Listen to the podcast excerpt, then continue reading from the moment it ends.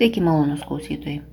Aš Monika Kuzminskaitė, sveikatos ir mytybos psichologė ir čia Šaukšto proto tinklalaidė. Šį įrašą rašiau Velykų dieną, tai todėl jis bus ne apie knygą ir ne apie filmą. Šiandien sveikinu su Zuikiu Dievo dieną. Nežinau, ar tokia yra, bet leidžiu savo ją sugalvoti, nes jis, man atrodo, seniausias ir svarbiausias. Su nepalaužiamos gyvybės, su pačiose ruščiausiose sąlygose vis tiek išdykstančios pienės diena. Su saulėje be atodairiškai švytinčio žiogo žalumo spalvos lapo diena. Su čiulbančio miško ritmečių ir kvapą atimančių saulėtekių pradžia. Su virsmo iš pabaigos, tamsos, griuvimo, nikimo, nevilties. Į viltį, džiaugsmą, ramybę, taiką ir gyvybę su diena, kai verta į mintis sutalpinti visą pasaulį, visą gyvybę ir tame paveiksle mažų taškelių pažymėti save. Su diena, kai verta pagerbti gaivališką gamtos siautulį, kurios proksta viskas, ką tik matai. Nes gyvybė pradeda ir laimi. Visus karus. Visada. Besąlygiškai. Per amžius.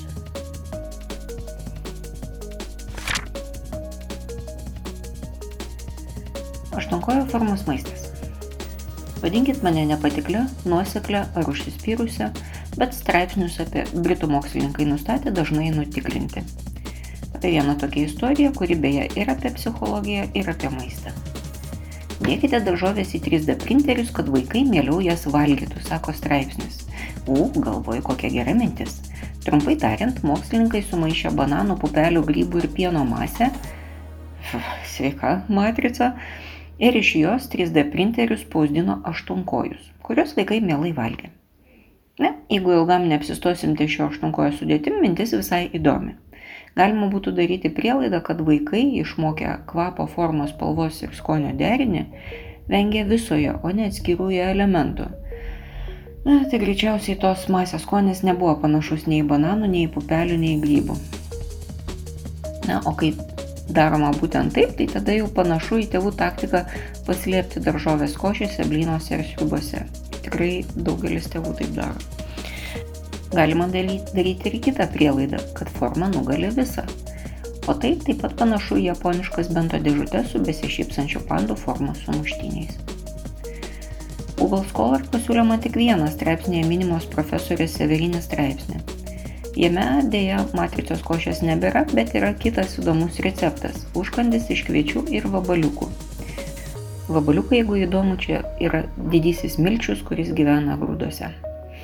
Šiaip jau tūlas pasaulio pilietis, na gal išskyrus kelias vietovės, virpėtų vien pagalvojęs apie vabalų valgymą, nesvarbu, kiek straipsnių yra perskaitęs apie tai, koks tai puikus ir ekologiškas baltymų šaltinis bet kai iš jų prisispausdini aštuonkojų ir besišypsančių pandų, ir ypač kai negalvoji, iš ko jos padarytos, juk skirti maistą nuo ne maisto išmokstame ir įprantame kartu su daugybė kitų dalykų ankstyvoje vaikystėje. Ir kaip čia vėl nepridėjus, kad ir brokolių galime išmokti nevalgyti, ypač jeigu vaiko mylimas tėtis vis priduria, aš ne karvė žolės nevalgau. Čia iš tiesų tikra, na, tik anonimizuota citata. O kaip jūs išmokote, kas yra maistas? Na, skanaus. Ir nebegalvokite apie vabalus jūsų sumuštinėje. Haha, dabar jau nebeužmiršite. Ar mankštos laikas veikia apetitą ir sunaudojamos energijos lygį? Taip. Mankštinantis vakare suvalgoma daugiau na, jeigu jau tiksliau žiūrėti, nuo 150 iki 270 kilokalorijų vidutiniškai tyrimo dalyvių grupėje. Tačiau suvokiamas apetito lygis nesiskiria.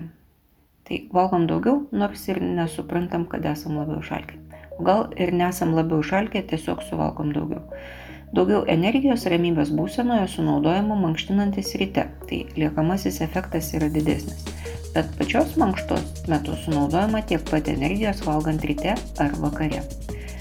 Buvo matuojamas ir mankštos produktivumas, tai yra kiek daug energijos žmogus gali pagaminti ir mankštos produktivumas irgi nesiskiria mankštinantis ryte ir vakare. Tai sakykime, kad efektas yra toks mankštinantis ryte daugiau sudeginam, mankštinantis vakare daugiau suvalgom.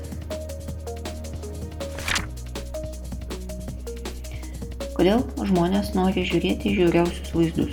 Kodėl viduramžio aikštėse susirinkdavo minė stebėti mirties bausmės? Tyrimas sako, kad dažniau taip daro žmonės, kurie praeitie patys yra patyrę smurtą ir baiminasi agresijos bei žiaurumo ateityje. Jų pačių įvardintos priežastys yra noras gauti informaciją ir smalsumas. Čia matyti jau yra kažkokia savyginos reakcija, kuri net e, neleidžia žmogui paaiškinti savo elgesiu, savo patirtimi. Šiaip smalsumas gal ir paaiškinamas, nes tokių vaizdų iš principo matome retai. Ironiška, bet smalsumą vedina žiūrumų stebėjimas sukelia gerokai didesnį ir ilgam liekantį nerimą dėl ateities, nors jis atrodo ir atvedė į tą stebėjimą. E, rašiau tai tą dieną, kai daug kas kalbėjo apie vieną iš žiauresnių nusikaltimų Ukrainoje. Ir tą progą noriu dar sėki perspėti. Būkit atidus ir atsargus, kai vedimni smalsumo spaudžiate nuorodas. Perspėjimai prieš tokias nuorodas ten tikrai dedami nebereikalo.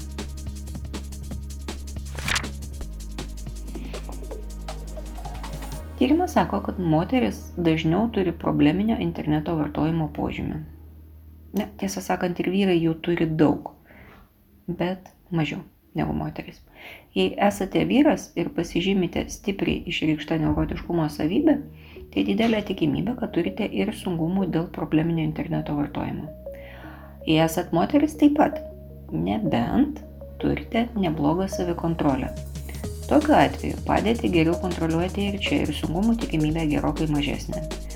O štai vyram tokio gelbstinčio savikontrolės poveikio, na bent jau šiame tyrimė, nebuvo aptikta. E, jeigu kalbam apie apibrėžimus, tai probleminis interneto vartojimas yra nekontroliuojamas, stipria motivacija pagrystas ar nereikalingai dažnas mobilaus telefono ar interneto platesnė prasme vartojimas. Toks vartojimas, kuris jau veikia kasdienį gyvenimą. Žmonės keičia savo planus ir veiksmus tam, kad suteiktų prioritetą internetui. Taip pat pasireiškia abstinencijos požymiai netekus galimybės naudotis telefonu ar internetu, baime netekti telefono ar galimybės juo naudotis. Ir šis reiškinys netgi turi savo pavadinimą, jis yra vadinamas nomofobija.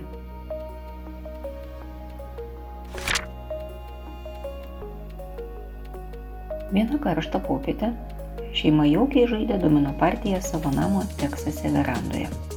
Ošvis pasiūlė nuvažiuoti papietauti už maždaug 80 km esantį Abilin miestelį. Žmona pasakė, puikiai mintis.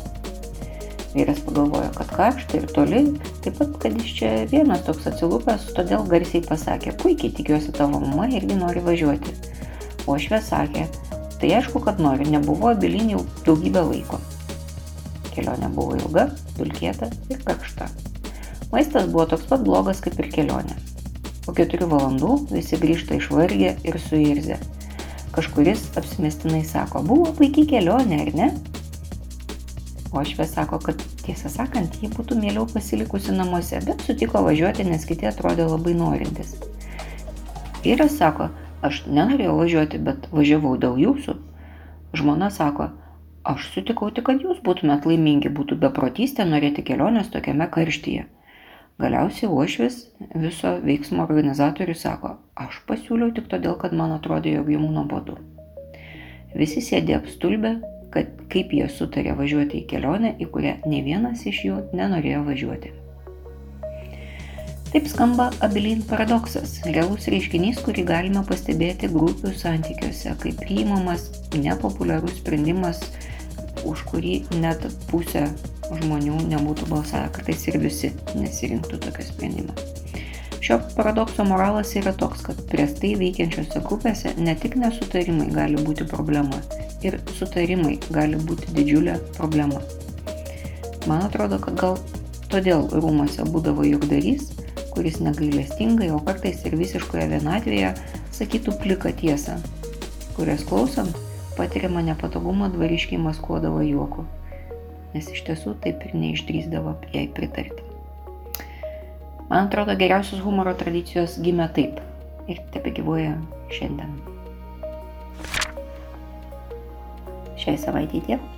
Aš Monika Kuzminskaitė, sveikatos ir mytybos psichologė, padedu spręsti kasdienius ir sudėtingus elgesio, mąstymo ir emocijų klausimus.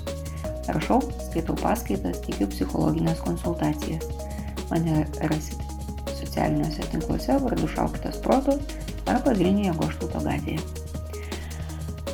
Rašykit man asmenę žinutę socialiniuose tinkluose arba elektroniniu paštu adresu šaukštas.proto at gmail.com. Taikos ir ramybės.